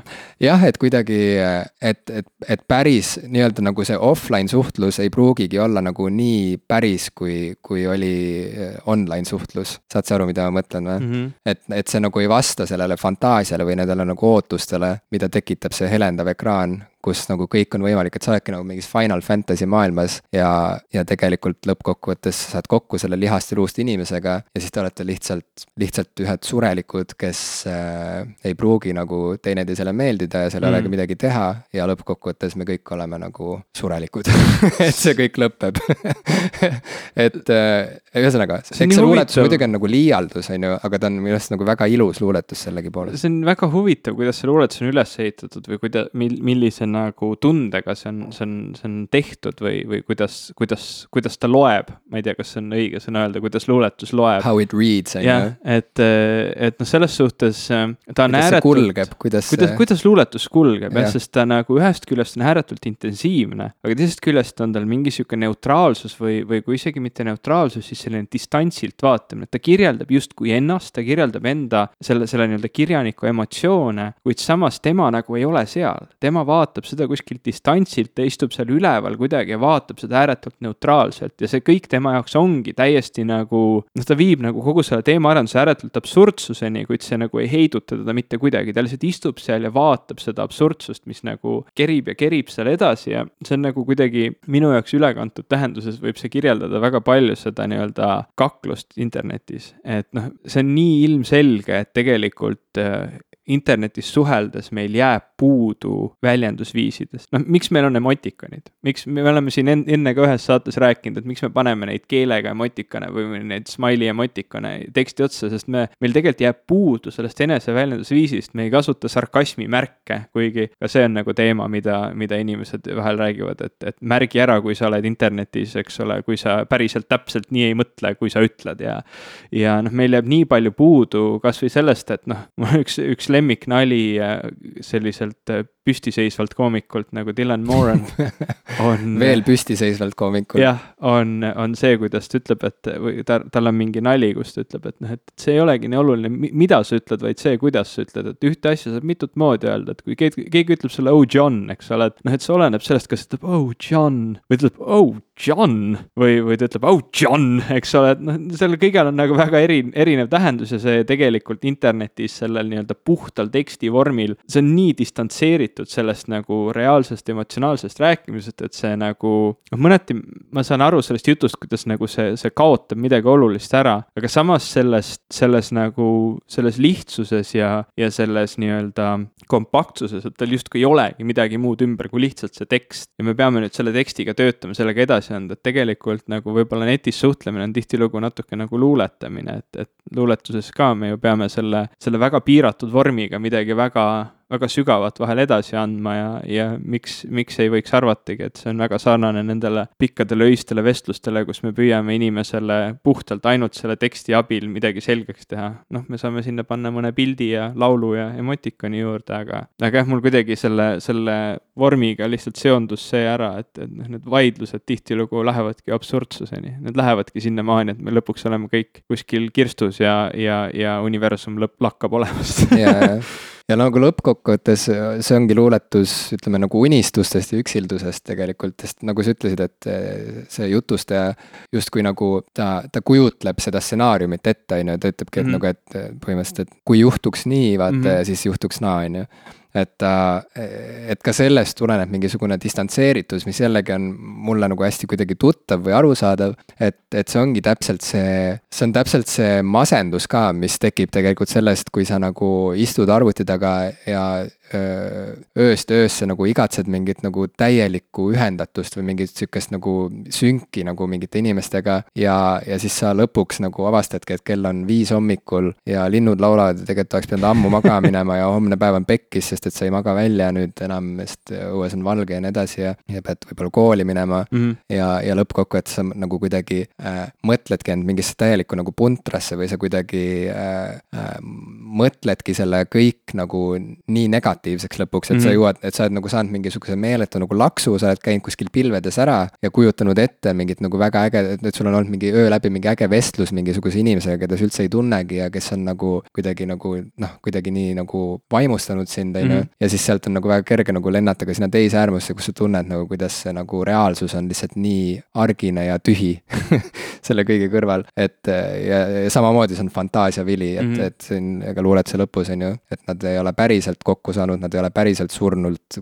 kõrvuti erinevates kirstudes, vaid see ongi täpselt see, et sa mõtled, et ah, aga ega tegelikult ju niikuinii äh, kõik läheks pekki, vaata, et täpselt see sihuke nagu väga tuttav, jällegi sihuke internetipõlvkonna sihuke nagu enesehaletsus ja pessimism mm. -hmm. Sihuke nagu jah, et seal on aga... seda kõike kui ma nüüd tagasi mõtlen, sest see kõik on väga sihuke nostalgiline jutt või sihuke, ütleme oma nooruspõlve selline meenutamine läbi, ma ei tea, roosade prillide või mille iganes ja see on siin, ma ei tea, kas seda on tegelikult huvitav kuulata, aga seda on huvitav rääkida. ja, ja ma, nagu mõtlen sellele ajale tagasi ja tegelikult nii palju nii olulisi teemasid, nii palju nii olulisi kogemusi, nii palju olulisi vestlusi sai tegelikult tol hetkel just internetis noh, peetud, ses suhtes kasvõi noh, enda kogemusest vastassugu poole ka suhtluse piiride kompamine, millest rääkida üldse võib, kui palju ja nii edasi ja nii edasi ähm,. ma ei tea, inimeste lohutamine, kui neil on ääretult raske või halb olla, kui nad nutavad seal teisel pool ekraani äh,. kaklemine mingite asjade pärast, millest kumbki õieti aru ei saa võib-olla või, või ma ei tea, purjus peaga peol kirjutamine mingitel noh teemadel, sest siis oli veel aegu, kui, kui mingi pidu käis, eks ole, kuskil kõrvaltoas oli arvuti, siis keegi vahepeal tuli sinuga chat ima, et tal hakkas peol igav või, või oli ta kurb või, või rõõmus või mida iganes ja siis juhtumisi ta tuli nagu peolt korra ära, et sinuga chat ida ja need on, noh, see on sihuke väga huvitav, huvitav viis oli, see muidugi kindlasti nagu sada protsenti kindlalt toimib täna ka, lihtsalt ta ei toimu enam noh, AOL Instant Messengeris Eesti, eestlaste jaoks ta ei toimunud kunagi, eestlaste jaoks. natuke aega toimus, mul vähemalt oli AOL-i konto ka jah, alguses. mul oli esimene oli ICQ mm. ja pärast seda siis tuli MSN ja siis Skype ja vahepeal, ma ei tea, kas Orkut võimaldas ka vist mingeid, mingi, mingi osa suhtlusest seal toimus, aga see oli kuidagi väga pinnapealne, ta ei olnud selline suhtlusvõrgustik. nagu sihuke chati põhine minu arust, seal oligi mingi kommenteerimine mm -hmm. pigem mhm mingite piltide all umbes ja nii. aga, aga noh, ütleme tänapäeval on see ju, noh, ta on, ühest küljest on ta, see teksti osa on alles jäänud ja ta on võib-olla tänapäeval rohkem kuskil Facebookis või Snapchatis või kohtades, kus see noh, enam-vähem iga tarkvara tänapäeval ju võimaldab mingil viisil chat ida ja, ja noh, sinna on palju juurde tulnud sellist visuaalset poolt, et kui vaadata, mille abil noored tänapäeval ennast väljendavad, siis need on pildid ja videod tihtilugu ja, ja noh, seda me oleme siin rääkinud ka mitu korda seoses nende sotsiaalvõrgustike ja Youtube'ide ja muude asjadega, et noh, asjad on natuke muutunud, aga see on, see on väga huvitav, kui olulist osa tegelikult see internet siin, siin nüüd mängib, kui, kui olulised elukogemused ja asjad saab läbi selle elatud. ja, ja ma olen täiesti nõus sinuga selles osas ka, et Facebook ei ole enam seesama asi, ta ei ole nagu aseaine sellele mm -hmm. suhtlusvormile, mis, mille, mida me nüüd siin pikalt-laialt kirjeldasime. ta on ikkagi mingi muu asi ja, ja, ja sellel puudub see võlu ja see ongi muidugi see, et me oleme nagu seda võlu kogenud ja seda ei saagi miski nii-öelda nagu asendada, on ju, et mõnes mõttes on ka see värk, on ju, et me nagu õrnas eas saime nagu selle laksu kätte ja seda ei saagi miski nagu kopeerida või nagu miski ei saa olla samal tasemel, ilmselt no, me. meie jaoks. jah, on ju, sest me oleme ka ise oma eludes nagu uues kohas juba ja, ja, ja nii edasi, aga ikkagi nagu see on nii hea küsimus sulle, et kus toimuvad praegu need vestlused, mida me siin romantiseerides ja nostalgitsedes kirjeldasime, kus need toimuvad? kui te olete praegu teismeline ja peate neid vestlusi kuskil, siis palun öelge meile saatke onudele link. Me, sest vaat, meil on nüüd suur probleem, eks ole, me oleme need nii-öelda pop, popkulturistid, kes peavad popkultuurist rääkima, me ei tea enam, kus popkultuur toimub. me vist sünnipäeva osas tekkis ka see küsimus, et kus, kus on popkultuur, kus sa oled kunst me rääkisime siin pikalt nostalgitsedes äh, online elust, online suhtlusest ja sellest, kuidas ei ole enam see, mis ta oli.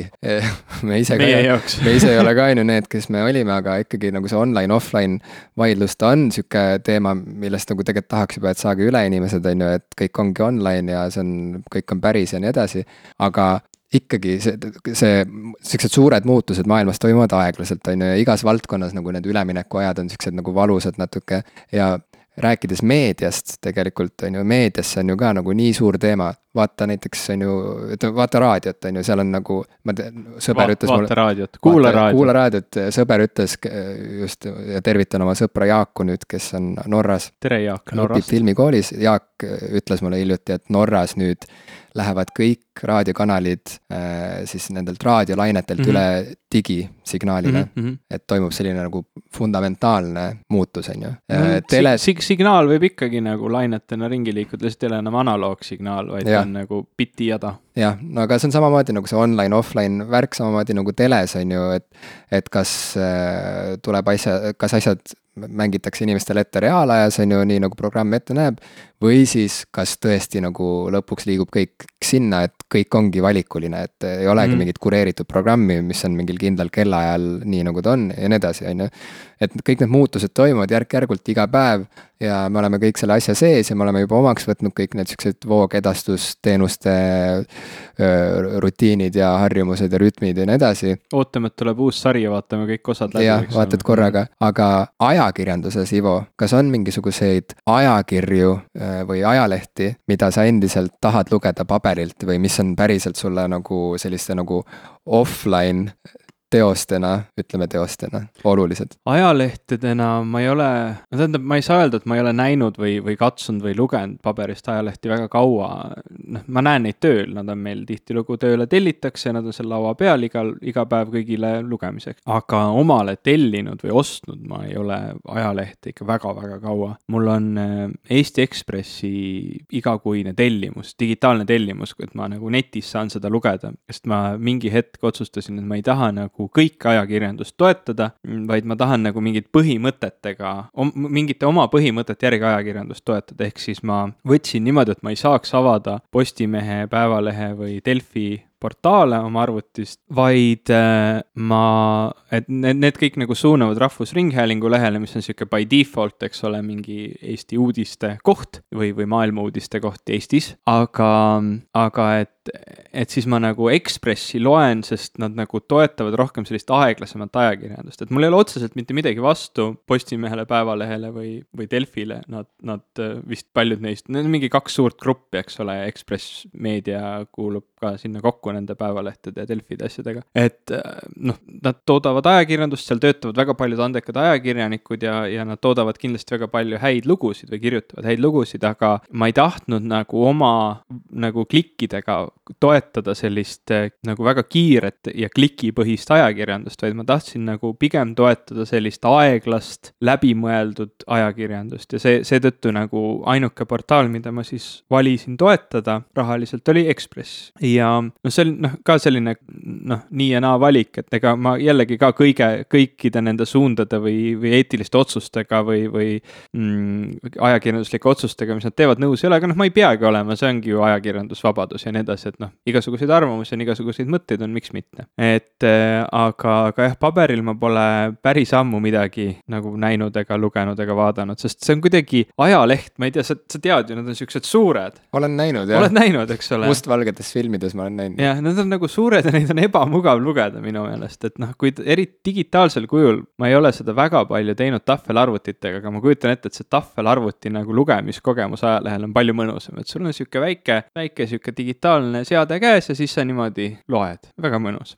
aga ajakirjadega on natukene teine lugu, et on mingid ajakirjad tõesti, mida ma eelistan nagu noh, päriselt nagu käes hoida ja lugeda sirvida, kuigi see on ka muutumas, et mingi hetk olid need mingid siuksed väga spetsiifilised alternatiivmoeajakirjad, mida trükitakse tavaliselt sellisele keskkonnasõbralikule paberile, et nad ei ole väga siuksed klant-, ma, ma, ma, sa kujutad ette, millest ma räägin, eks ole, sa oled näinud neid siukseid nagu mitte klantspaberile trükitud elustiili ja moeajakirju mm. -hmm. et need, need on nagu mulle selles mõttes väga kihvtid, et mulle meeldib sealt vaadata seda, mulle meeldib moefotograafia üleüldisemalt ja mulle meeldib selline natuke alternatiivne moefotograafia, millel on kas mingid feministlikud alatoonid või, või, või mingisugused sellised maailmaparanduslikud alatoonid või asjad, et noh, need on nagu sihuke, nagu ta on juba pool kunst, eks ole, või, või mõnes mõttes isegi nagu täiesti kunstfotograafia. ja neid oli tõesti nagu väga lahe niimoodi võttagi kätte ja sirvida ja lugeda ja, ja vaadata, aga vist mingil määral on seda nüüd asendamas noh, vähemalt minu jaoks, kuna peamiselt nendest ajakirjadest ma otsisin fotosid, et see on nüüd ase-, asendumas ka erinevate foto, foto ja pildi jagamisteenustega nagu Pinterest, nii et noh, järjest rohkem nad kaovad mu elust. Ma ei tea, kas sina loed ajalehti paberil või ajakirju? ma loen ajalehti siis, kui ma satun kuskil, satun kuskile, kus on ajalehti, ehk siis kokkuvõttes ainus ajaleht, mida ma tellin reaalselt, on Müürileht mm. -hmm. sest et nad lihtsalt meeldivad mulle väga, et mulle on väga sümpaatne see. see on ka selline eetiline see, toetus. Müürileht nagu see rida, mida nad ajavad ja mulle on need inimesed sümpaatsed ja ma olen nendega nüüd nagu erinevatel põhjustel aastate jooksul lihtsalt sattunud kokku äh, ja, ja teinud ka sinna kaastöid, ühesõnaga ma olen nagu, ma ei ole kindlasti nagu erapooletu mm -hmm. selle väljaande osas, aga ometigi see on võib-olla äh, ainus ajakirjanduslik väljaanne Eestis, mille puhul ma tunnen nagu nagu praktiliselt sajaprotsendilist sihukest poolehoidu või, või, et kus ma tunnen, et nagu, et, et isegi kui nad kirjutavad asjadest, mis mulle nii väga korda ei lähe, siis ma ikkagi nagu toetan neid sada protsenti. Ja, ja, ja see kõik on nagu kogu see suhtumine kõik nende mingid eetilised siuksed tõekspidamised, see, mismoodi nad ennast väljendavad, ma tunnen seal nagu ära eh, midagi, millest ma saan aru, et, et kui võib nii öelda, siis mulle tundubki, et see on nagu see meie põlvkonna hääl nii-öelda, mis seal kõlab mm, -hmm. aga eh, veel Eesti nii-öelda nagu noh, ütleme ajakirjades siis Vikerkaar ikkagi on ka minu jaoks nagu väga-väga kihvt asi. Eh, tõsi küll, see on nagu alati nii mahukas, et ma loen sealt ainult nagu も。Noppeid, aga ikkagi mulle see formaat õudselt istub, et milline see vikerkaar on, et minu arust on nagu väga äh, kuidagi maitsekalt äh, niimoodi rangelt, samas nagu kaunilt ja vabalt äh, küljendatud ja kujundatud alati. ja see sisu on hästi nagu mitmekesine alati, et sealt saabki reaalselt äh, mõelda, sa saad lugeda ja kaasa mõelda mingitel poliitilistel teemadel, filosoofilistel teemadel, kirjanduslikel, kunstilistel teemadel, ühiskondlikel teemadel. et jällegi ta on mõnes mõttes nagu sihuke hardcore müürileht, ütleme nii, et, et ta on lihtsalt sisult mahukam, ta ilmub kohati harvemini kui müürileht, sest Vikerkaarel ilmub vahel siukseid topeltnumbreid, kus on nagu, et vahepeal on väike vahe sees ja siis tuleb sihuke topeltpaks number, aga et see kõik kokku on üliväärtuslik ja noh, Vikerkaared on näiteks siuksed ajakirjad, mis reaalselt nagu noh, põhjusega jäävad inimestele raamaturiiulisse mm -hmm. lihtsalt eraldi mingisugusele nagu riiulile ja see, see rida aina pikeneb, sest et see on nagu nii väärtuslik kraam seal, et sa võid põhimõtteliselt igal ajahetkel haarata ükskõik millise numbri, hakata midagi lugema ja midagi sa sealt ikkagi leiad. aga välismaa ajakirjandusest ütleme asi. ma korra küsin vahele, kas, kas Vikerkaart toimetab äh, Aro Velmet või?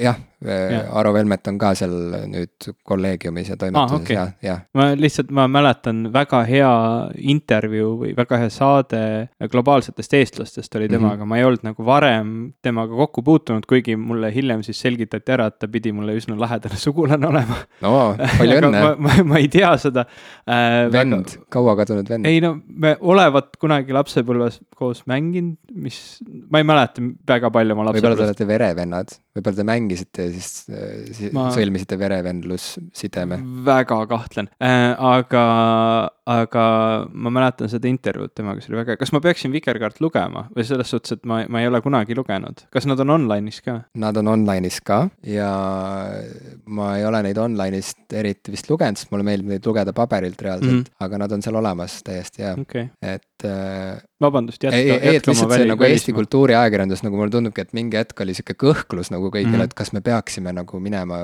internetti ka mm -hmm. vaata. et noh, et äkki see on kuidagi nagu, et ei pea ju iga moehullusega kaasa minema iga väiksemgi, eks ole, tuuleiil, mis tuleb. ja noh, ma tean, et nagu ajakiri Keel ja kirjandus, mis on äh, nagu oli üks siukseid viimaseid Eesti kultuuriajakirju, mis nagu veel kõhkles, kas minna näiteks Facebooki, et äh, noh, selle väljaandega väga lähedalt seotud isik rääkis mulle, et reaalselt oli nagu sihuke nagu arutelu, et kas see mitte ei ole natuke liiga sihuke nagu frivoolne tegu, minna nüüd nagu näoraamatusse ka niimoodi mm -hmm. kekutama koos teistega, et. kas Ajakirja Akadeemia on online'is ja Facebookis? seda ma ei tea, ma ei tea aga igal juhul mingi kõhklus on olnud, vaata mm. -hmm. ja, ja no need on ikkagi sellised äh, natukene kõrgema. no jaa, ja, ja see on samas ju täiesti nagu jabur, noh mm -hmm., et see minu arust on jälle sihuke nagu imelik sihuke põlvkondlik ja harjumuspõhine mm -hmm. sihuke mhm. kõhklus, vaata. millest no, näiteks... võib aru saada, aga mis on samas nagu täiesti jabur, kui see on. Nagu ajakiri nagu... Horisontki minu arust ma nüüd enam ei ole kindel, aga mingi hetk, kui mul üks, üks sõbranna kirjutas väga huvitava artikli, mina elasin too hetk Rootsis, ei saanud kohe nagu minna ja osta seda Horisonti, et seda lugeda. tahtsin internetist vaadata ja tuli välja, et seal oli vist mingi sihuke, tõmbab PDF alla või, mingi selline variant, et see mm -hmm. nagu tol hetkel tundus mulle kuidagi nii absurdne, et sa mm, -hmm. sa kirjutad Eesti populaarteaduslikku ajakirja, miks sul ei ole normaalset veebiversiooni, noh, ma kujutan ette, seal on igasugused rahalised, eks ole, piirangud ja, ja muud asjad, et noh, see, see ei ole nagu nii ilmselge alati kõigile, aga, aga see noh, mingil hetkel see muutub, see tõesti on kuidagi natuke selline veider tunne, et noh, et see tõesti kuidagi on see diskussioon, et noh, et kas me nüüd peaksime ka selle moe, või noh, see jätab sihukese mulje. ja, ja, ja, et selles mõttes minu arust Sirpi tuleks küll kiita, et äh, nad olid ikka väga varakult minu arust mm. internetis olemas ja täiesti äh, oma, oma näoga, selles mõttes, et oligi, kõik mm. oli sihuke mustvalge ja kirbukiri, on ju, aga see oli täiesti, noh, see oligi nagu, see oli see viis, kuidas nemad tahtsid ennast näidata ja samas nad tegid ennast nagu ligipääsetavaks ja, ja see ju ei devalveerinud mitte kuidagi nende artiklite kuidagi sisu või, või mm -hmm. väärtust, eks ole, et, et see vastupidi, pigem laiendas seda auditooriumi. ja nüüd rääkides nagu ajakirjadest, mida ma päriselt nagu tahan käes hoida, siis võib-olla tegelikult ongi ainult üks. Et ütleme, Müürilehte ma võin hädapärast lugeda nagu mm -hmm. netist ka, on ju, kui on mingi põnev artikkel, lihtsalt see on nagu lahe ka ajalehena, on ju, ja ma saan pärast võib-olla kütta oma ahju ja, ja. kultuuriga. jah, ja Vikerkaar on lihtsalt sihuke asi, et hoian neid riiulis ja mõtlen, et kunagi ma loen ja, ja saan ka väärikaks inimeseks. ma tellisin kuidagi National Geographicut selle mõttega, et need on nii huvitavad ajakirjad mm., nii ilusate fotodega, nii heade artiklitega, no võrra-, noh tõesti, National Geographic loodus yeah teemaliste artiklite puhul, no sa ei, sa ei saa sinna lähedale, see on võrratu no. mul on see pakk kuskil siiamaani alles, ma ei, ma ei ole enamusi nendest artiklitest lugenud kahjuks. et äh, aga minu puhul nagu see, see number üks ajakiri ikkagi, mida ma vajan ajakirjana ja mida ma tean, et ma ei naudiks eales nagu veebiversioonina ega mingi PDF-ina, jumal hoidku mm., on Wired. isegi mitte iPadis? isegi mitte iPadis, et Wired on küll sihuke ajakiri, mis vahel, kui ma lähen kuskile reisile või mingis lennujaamas näiteks on see müügil või vahel, kui ma tunnen, et ma nüüd väärin midagi nagu mingit turgutust, siis ma võib-olla lähen raamatupoodi ja, ja võtan kätte ühe Wired ajakirja juba see, selle käes hoidmine juba on mingi sihuke nagu see pakub mingit sihukest äh, kompamismeeltele mingit juba mingit sihukest naudingut, et ta on tavaliselt sihukese nagu väga krobelise tekstuuriga. Äh, ja, ja ta on nagu hästi tugeva rõhuga kujundusel ja küljendusel alati, et, et iga Wired'i number on täiesti omaette sihuke nagu disainiteos ja selle ajakirja sisu on ka Äh, alati noh, põhimõtteliselt lihtsalt nagu, see on nagu rasv ja suhkur äh, mu ajule okay., aga mitte Süksed halvas mõttes. hüper, hüperstimulendid et selles mõttes ta on nagu hüperstimulant, et need teemad on nii huvitavad ja need teemad on kusjuures just nagu need meie teemad ka, et need ongi tehnoloogia ütleme, kuidas tehnoloogia ühiskonna arengut mõjutab. Äh, sealt võib aeg-ajalt lugeda mingeid krimilugusid kasvõi on ju, või seda, kuidas, ma ei tea, NSA nagu. Äh, et milline näeb välja nende, nende see kompleks kuskil seal kõrbe serval, eks ole, kõik, kõik, kõik, et on sihuke nagu. nagu kõrgkvaliteetne uuriv ajakirjandus, samas ka sihuke nagu siukseid, lihtsalt siukseid mõnusaid infokillukesi nagu ajutoiduks äh, loopiv väljaanne. et otsast lõpuni nauditav asi ja, ja kindlasti miski, mida ma nagu jään ostma ka siis, kui tundub, et nagu keegi ju enam üldse ei osta mingisuguseid ajakirju ega ajal-, ega ajalehti. aga muus osas ma olen sinuga nõus, et kõik muu on minu jaoks nagu lihtsalt bitid ja baidid ja laske tulla, et mul on Kas... ükskõik kas sa ostad seda iga kuu või kas see on see asi, mida sa või, või on see tõesti jah, see, et sa reisil kui... oled või kuskil nagu liigud? ma ostan seda neil hetkedel, kui ma tunnen, et ma olen seda nüüd väärt. aa, okei okay,, sihuke preemia. teeninud mm -hmm. ja nagu preemia. ma ei ole Wired'it kunagi lugenud. aa, sa peaksid, sa peaksid, see on super nauding. võtaks ühe osa kindlasti ette. see on sama, iga Wired'i number on samasugune suurteos, nagu on National Geographicu mm numbrid. täitsa erineva rõhuasetusega mm, -hmm. erineva nurga alt aga noh, samamoodi need on siuksed asjad, mida sa nagu jäädki hoidma oma raamaturiiulis ja lihtsalt, mis on nagu, ma ei tea, nagu teevad, noh, teevad su ajule ja silmadele ja südamele ja, ja, ja kõigele sinust teevad pai see tekitab must numbrid. nüüd ka jälle siukse natukene nostalgilise tunde, et aa, et ma igatsen äh, ülikooli ajal, vähem kui ma Rootsis veel olin ja tegelikult Tartus ka veel sai seda tehtud, et ma käisin ülikooli raamatukogus, et lugeda siukseid ajakirju nagu Science, Nature ja Scientific American, et noh, mitte iga kuu kõiki artikleid, vaid noh, nagu valikuliselt, et noh, seal ikka kippus mingi hu väga huvitav teema üles tulema, et oo oh,, kuidas CRISPR äh, geenitehnoloogia nüüd meie tulevikku mõjutab ja ja, ja või noh, ja nii edasi või mingi, või mingi viirus, viirus nagu pandeemia oht oli tekkimas ja sellest nagu siis räägiti pikemalt, kui oli siin Ebolaga probleeme ja, ja nii edasi, et noh, see on väga lahedaid äh, artikleid ja teemasid, kahjuks need on ajakirjad, mida ma ei, need on küllaltki kallid ajakirjad, mida tellida, nad on suunatud tihtilugu ikkagi noh, ülikoolidele, teadusasutustele, et nad telliksid nagu mingile, no Scientific American mitte nii väga, aga Nature ja Science ikkagi tegelikult on noh, nagu küll natuke populaarsema suunaga, aga teadusajakirjandus, et nagu noh, kui Scientific Americani võiks lugeda keskmine ameeriklane, siis äh, kuigi nii Science'it kui Nature'it võiks lugeda iga keskmine inimene, siis tihtilugu ta võib natuke liiga tehniline olla, ta võib liiga teaduslik olla, aga, aga noh, ütleme teadlasele on need kindlasti mõlemad loodusteaduste alal tegelevale teadlasele on need super, super nagu infoallikas. aga veel rohkem nostalgiat tekitab mul see, et kui sa nüüd rääkisid sellest äh, ajakirjade kogumisest riiulile, ma ei tea, on sul alles olnud sellest äh, nii-öelda nooruspõlvest või oma teismepõlvest igasuguseid neid ägedaid ajakirju, mis Ekspressid ja Meie Meeled. on, on, no, on alles, Mikki Hiired isegi on alles. no Mikki Hiired, see, need nagu peavadki alles olema, sellepärast et noh, mis on elu ilma Mikki Hiireta. aga ma, ma just oligi, meil oli Keilas eelmine või tegelikult jah, nüüd just lõppenud nädalavahetusel oli mul ema korraldas kodukohvikut ja siis me olime kogu perega abiks ja mu vend siis tõi parasjagu noh, kõikidest nendest vanadest Mikki Hiirte kogudest ja legodest ja asjadest, mis meil oli kunagi üle jäänud, tõi siis nagu õue siukse lasteala pani kokku ja siis ta leidis sealt igasuguseid lahedaid ajakirju, mis on kunagi ilmunud, nagu näiteks Zap, noor pilk maailmale, kus on. kas seda kirjutatakse niimoodi Z, Z, Z, Ä ja P, P?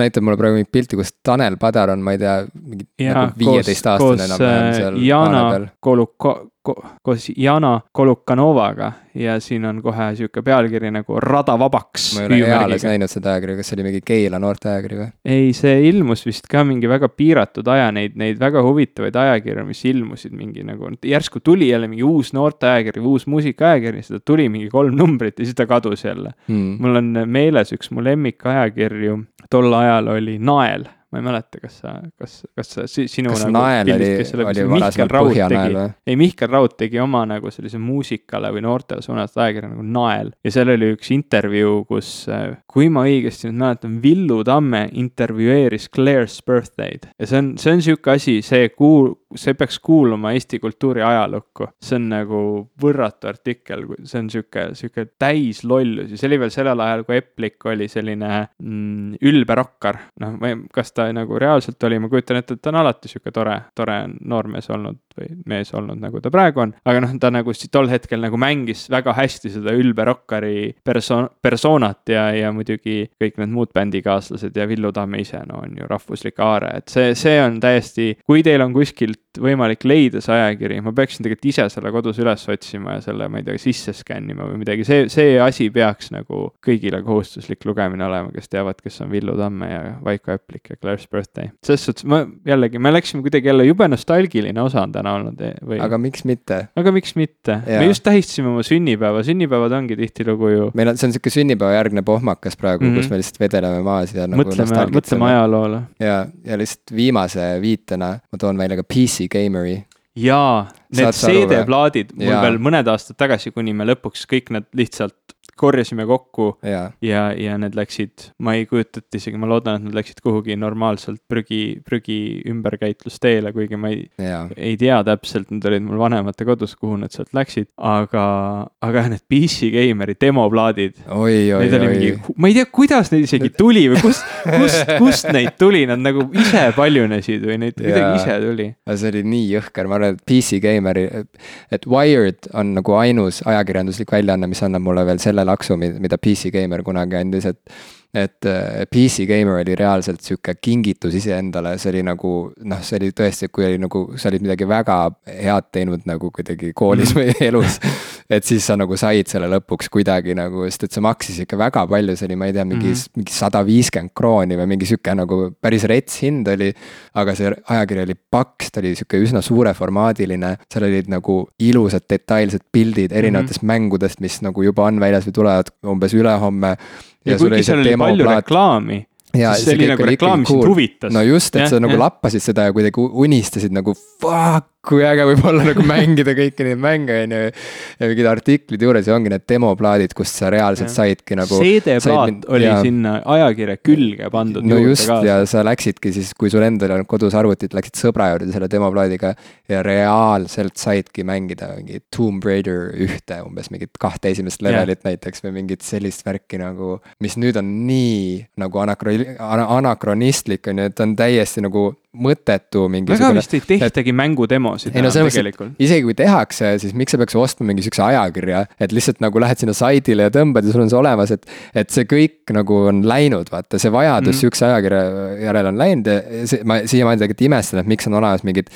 Playstationi ajakirjad, mingid, äh, ma ei tea, ilmselt on ka mingid Xbox'i ajakirjad olemas, on ju, et, et kes, kes need nagu ostavad neid, miks sa lihtsalt ei lähe mingisse nagu, miks sa ei lähe nagu netti et äh, aga ühesõnaga, sihuke asi oli ka, ka, ka olemas ja see aeg on nagu läinud. ma üritan aga... praegu guugeldada, kas PC Gamer Magazine ikka veel ilmub, see oleks väga, sest see portaal nagu justkui on olemas, aga Jump to Magazine, ma võtan kohe ette, ette selle ajakirja. jah, iga kuu alates aastast tuhat üheksasada üheksakümmend kolm ilmub siis äh, British edition of PC Gamer, väga huvitav, ikka veel ilmub, neil on ka oma podcast hmm. äkki me peaksime kuulama seda? ma ei tea. kui teil on mingisuguseid mõnusaid analoogväljaandeid, mingeid meediaväljaandeid meile soovitada, mida tingimata peab katsuma ja nuusutama mm, -hmm. siis andke märku, sest meile tundub, et neid on nagu üliväheks jäänud. mina suutsin välja tuua lõppkokkuvõttes nagu ühe või kui laiendada seda nimekirja, siis kolm, eks ole, Müürileht, Vikerkaar ja Wired. peale selle, kas on midagi veel? ma kus, ise, ma ikka jälle liigun sinna mõtte poole, et ma vist ei tea, kas ma tahangi neid enam väga. no just. no raamatuid ma loen kindlasti pigem e-lugerist ja, ja, ja., ja kui ma kujutan ette, et nüüd tulid uued iPadid ka välja, et kui mul oleks uus iPad, siis ma vist tahaksin pigem kõike sealt lugeda, võib-olla see on ka see, et otsida siis neid põhjuseid, miks, miks seda iPad'i üldse kasutada või vaja on, aga, aga noh, ma kujutan ette, et sihuke digitaalne eh, info tarbimine on ikkagi, ikkagi selles suhtes mugavam ja mõnusam. ma ei, võib-olla tõesti, võib-olla on tõesti asju elus veel, kus ma isegi avastan, et ei, see on asi, mida ma tahan nagu käega katsuda, vaadata, kusjuures osad koomiksiraamatud on tõesti sellised, et me oleme siin, me oleme mitu korda podcast'is rääkinud ka koomiksiraamatust nimega Saaga ja nüüd me oleme koos Eevaga seda kogunud äh, ikkagi paberikujul ka, et kui ma esimesed kolm äh, osa äh, ostsin, ostsin nagu digitaalsel kujul ja me lugesime seda tahvelarvutist, siis nüüd pärast seda kolmandat osa me oleme nagu jälle läinud tagasi ja need ka esimesed ostnud ja, ja niimoodi järjest nagu ta ilmunud on, et, et ikkagi, ma ei tea, graafiline novell või kuidas see eesti keeles on, graafiline. sest novell on lühem kui romaan. jah, graafiline ro romaan, romaan, eks ole, sorry või, või siis selline hea koomiksiraamat, selle, see, see trükk on nagu ilusam ikkagi paberil kuidagi. aga see ongi juba muu asi, see ongi juba sihuke kunstivorm. see on mõeldud nagu olema ja. trükituna. mind just huvitabki see, et kas on mingeid ajakirju veel, mis mm -hmm. nagu päriselt väärivad nii-öelda trükimusta. mis kas... ajakirju te loete? paberil Mi? mille puhul on nende katsumine teile ka oluline mm, -hmm. katsumine ja nuusutamine. Jim räägib hästi palju katsumisest viimasel ajal. katsumine on ma olen väga nagu, kuidas öelda, ma olen väga jah, ma olen katsuja